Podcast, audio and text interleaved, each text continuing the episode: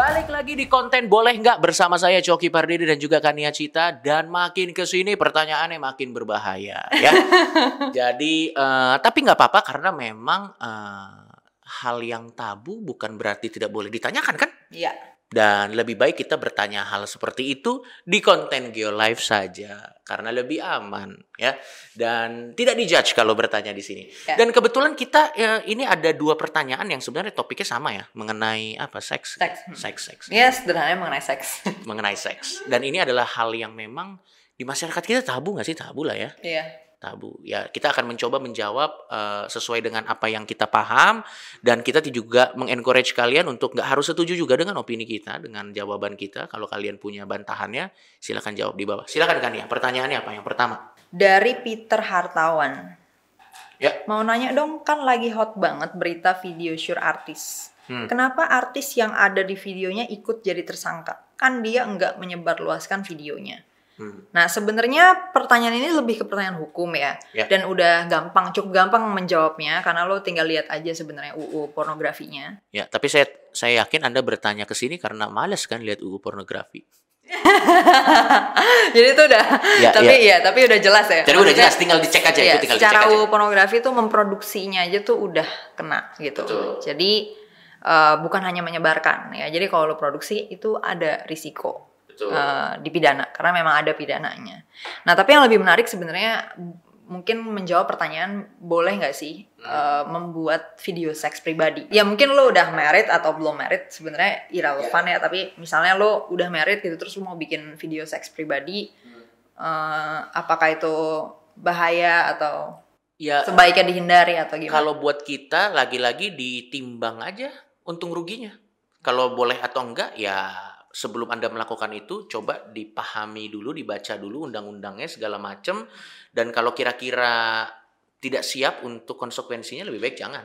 Ya, Tapi kalau memang lo yakin dengan eh, bagaimana Anda mengunci file-filenya dalam laptop Anda dan handphone Anda, ya silakan dilakukan. Tapi ada konsekuensinya. Dan menarik tadi sudah dijawab dengan sangat jelas bahwa ternyata ini bukan masalah dia ikut menyebarkan atau tidak. Misalnya ada ada ada ada ada video porno di dalam sebuah device dan itu tersebar, dia sudah kena karena sudah memproduksi itu sebenarnya. Iya, betul. Iya, jadi risikonya tuh selain risiko legal ya, risiko pidana tadi, juga eh, itu risiko sosial lah. Maksudnya eh, masyarakat tentunya nggak nggak bisa nggak menganggap itu masalah ya ketika Ya. misalnya itu ternyata tersebar gitu kan. Betul. Nah, jadi kalau lo nggak nggak mau mengalami Betul. kejadian kayak gitu, ya Betul. sebaiknya dihindari ya risiko itu ya. Iya, dan di zaman digital seperti ini kan jejak digital sangat sulit untuk dihilangkan. Kalaupun bisa dihilangkan itu budgetnya sangat luar biasa mahal. Jadi Iya betul. udahlah. Kan uh, gua nggak tahu ya ini opini gue secara personal ya. Kan seks itu kan uh, it's supposed to be uh, up close and personal and intimate gitu. Ya. Ya mungkin Anda mungkin ada mau replay kali kalau wah ini lagi enak nih gue rekam ya, tapi terserah. Pahami aja lah. Terutama kalau buat buat cewek-cewek biasanya risikonya lebih gede ya kalau kesebar Ya. ya. Jadi bisa jadi itu juga menjadi bahan untuk lo Karena di biasanya- dalam relationship Betul. lo. Karena biasanya dalam semua video sure, wah anjir. Cuman ceweknya doang. Cowok ceweknya doang yang di spot. Jadi kalau eh, cowok lo nanti nggak mau diputusin atau apa dia bisa ngancem itu itu. revenge porn tuh dan itu adalah sebuah hal yang sering terjadi tuh di Amerika tuh. Ya terlepas dari revenge porn itu sesuatu yang bisa dipidana Hmm. dan bisa tadi ya maksudnya memang bisa di bisa di apa namanya tindak gitu dan memang secara etika dan moral sih kita nggak Ya. nggak setuju ya dengan Ya. revenge porn gitu kan. Betul. Tapi the damage has been done gitu. Yes. Jadi kalau itu udah menyebar lo udah gak bisa ngapa-ngapain lagi. Betul. Maksudnya terlepas dari kita semua mendukung lo dan menganggap itu sesuatu yang salah. But still uh, damage-nya tetap udah terjadi gitu. Dan kita Betul. nggak bisa mengatur persepsi seluruh masyarakat yang Ya. ada. Jadi ketika mereka ngeliat itu, kalau mereka nganggap lo gimana-gimana, mungkin bisa mempengaruhi masa depan lo dan pilihan-pilihan hidup lo gitu. Jadi buat siapa pun yang menonton konten ini dan di HP dan laptopnya ada sesuatu, mungkin bisa dipahami sekali lagi resikonya karena ternyata memproduksi pun itu bisa kena. Jadi silakan dicek apakah laptop Anda masih ada di motor. Nah Ya. ini tentang seks juga nih, ini ada pertanyaan Oh iya. satu lagi nih. Pertanyaan satu lagi ya. Sebenarnya pernah dibahas di noise musuh masyarakat, tapi karena menarik, jadi saya tanyakan lagi. Oke, Dari Piawai Prabuadi. Oke. Boleh nggak seks dengan konsensus? Of course dengan pendidikan yang benar dong. Karena Oke. jika terlepas dari unsur agama, seks itu kebutuhan fisik. Sama kayak makan. Kan nggak perlu nih harus punya koki dulu untuk bisa makan.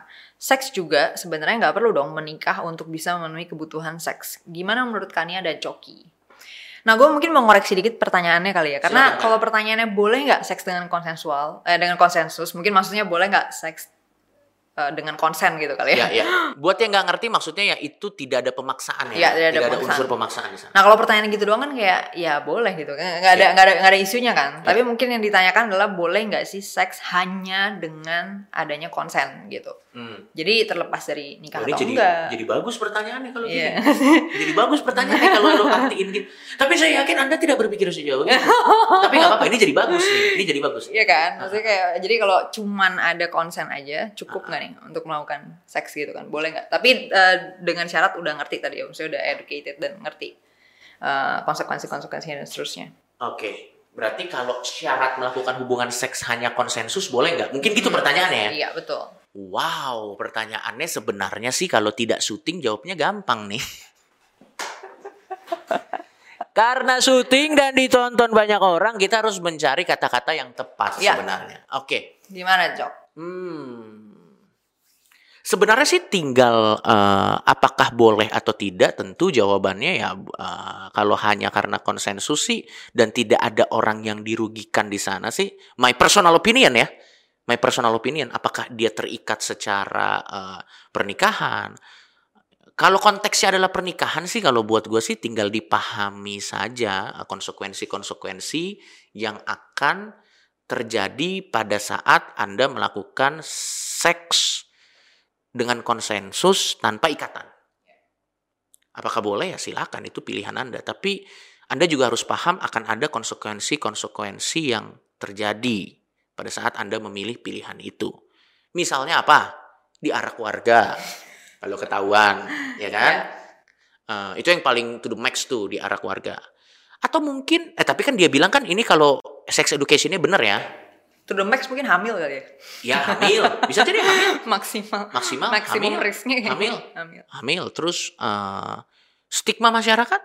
Mm, Jadi kalau kalau cuman melakukan hubungan seksual karena konsensus, silakan itu keputusannya ada di tangan anda, tapi ya pahami ada konsekuensi-konsekuensi di situ dan make sure juga. eh, jadi gini, pada saat lo melakukan hubungan seksual dengan konsensus, yang harus kita pikirkan adalah itu tidak berhenti pada saat di hubungan seksualnya aja. Nanti ada follow up follow up kejadian lain, rentetan kejadian lain yang akan eh, terjadi tuh. Misalnya contoh, kita udah melakukan hubungan seksual secara konsensus, mau sama tapi di luar pernikahan, misalnya ketahuan orang, selain ketahuan orang juga mungkin hamil apa segala macam. Jadi jangan cuman stop pada saat lo melakukan hubungan seksual. Kira-kira apa dampak jangka panjang yang akan terjadi kepada lo dan lingkungan lo itu aja sih yang yang menurut gua. Nah kalau misalnya incest ya jelas ya enggak lah ya kalau kalau buat gua- Walaupun lo konsen. walaupun lo konsen tapi kalau incest itu lebih ke medik sih ya Hmm. itu lebih ke gua nggak tahu gimana menjelaskannya secara biologi tapi biasanya kalau kita incest dengan keluarga sedarah gua nggak tahu hitungannya ya kan tapi kalau kita incest dengan keluarga yang sangat dekat biasanya itu akan ada kelainan genetik bener gak sih gua Iya jadi sebenarnya itu masalahnya ada di variasi gennya jadi kecil banget. Kan biasanya gini, misalnya lo datang dari suatu garis gen yang sama, misalnya siblings bersaudara, itu kan kesamaan gennya bakal sama banyak banget kan. Ya. Nah kalau misalnya ada suatu sifat yang sebenarnya merugikan di gen itu, jadinya kayak pasti keluar dong. Kalau Oke. misalnya dua-duanya dari situ gennya gitu kan. ya, ya. Kayak gitu. Makanya eh, incest itu udah dari lama banget eh, di di condemn gitu di dalam masyarakat gitu kan. Karena kita pada saat prosesnya itu pasti akhirnya menyeleksi nih Betul. orang tradisi ini gitu kan. Karena dianggap memang ternyata membahayakan dan memang Ya. faktanya begitu. dan gitu. faktanya memang membahayakan Uh, karena memang me- dia mengeliminasi nih uh, variasi gennya gitu. Jadi biasanya kan yang bikin kita bisa lebih survive itu ketika kita punya variasi. Jadinya ketika ada gen yang bermasalah bisa ternyata dia nggak keluar karena ada potensi dari gen yang lain gitu ada bisa keluar dari gen yang lain ini yang jadi pasangan kita gitu kan. betul Nah tapi kalau kita kawinnya sama adik kita sendiri atau kakak kita sendiri, gennya terlalu banyak kesamaan, Hmm. sehingga kalau misalnya kita sama-sama membawa suatu gen yang bermasalah, udah pasti keluar dong Ya. gennya gitu. Sebenarnya simpelnya gitu sih masalah incest. kalau jawaban lo Jawaban gue tentang eh, apakah seks cukup ya hanya dengan Konsensus. konsensus gitu ya. Konsen ya kan, seks dengan konsen aja. Eh, di luar dari yang tadi yang lo bilang eh, incest gitu ya. Jadi mungkin lebih tepatnya adalah ya orang dewasa ya kan.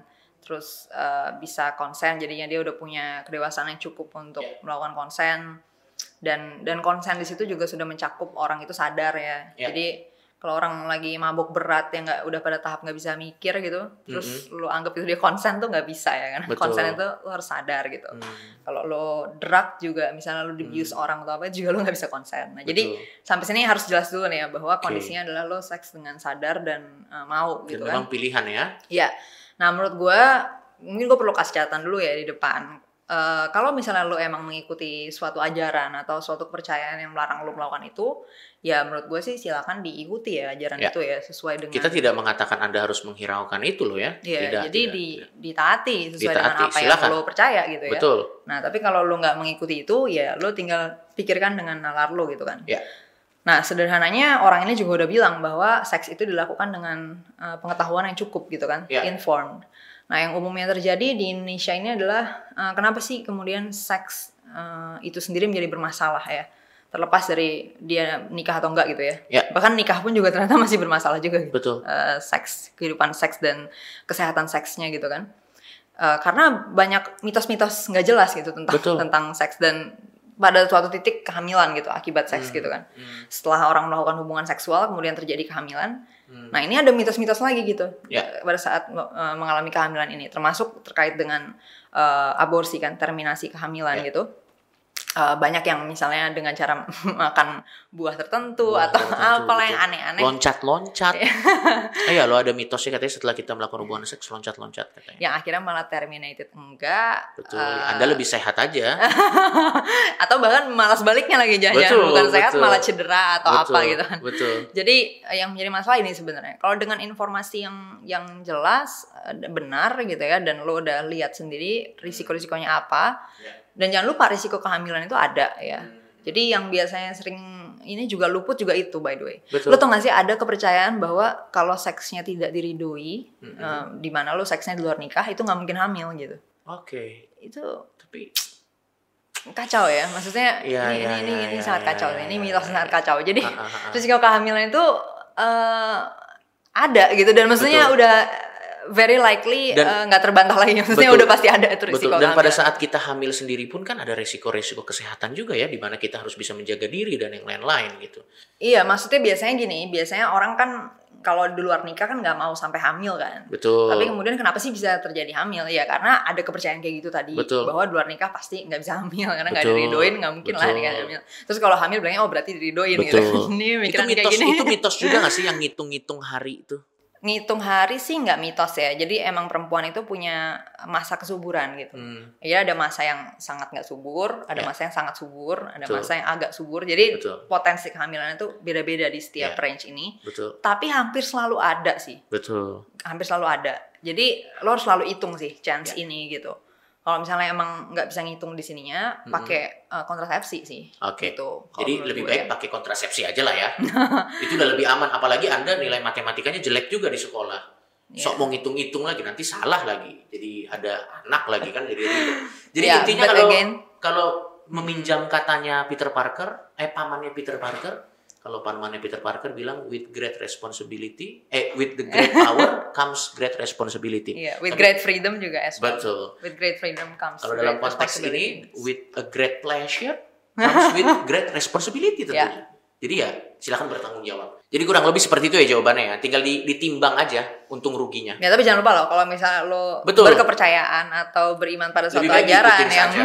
melarang itu, berarti lo harus ikuti. Diikuti saja. Ya. Karena ini memang belakangan ini eh, ramai dilakukan, terutama Hmm. oleh eh, ya banyak anak-anak muda sih sebenarnya. Oke, Gitu. cukup dulu. Cukup lah. Cukup. Ya. Sudah sangat jelas sih jawabannya menurut gue. Oke, sampai ketemu di episode boleh. Enggak, berikutnya silakan tanya-tanya. Tanya-tanya di sini nanti kita akan pilih pertanyaan yang paling menarik. Dadah.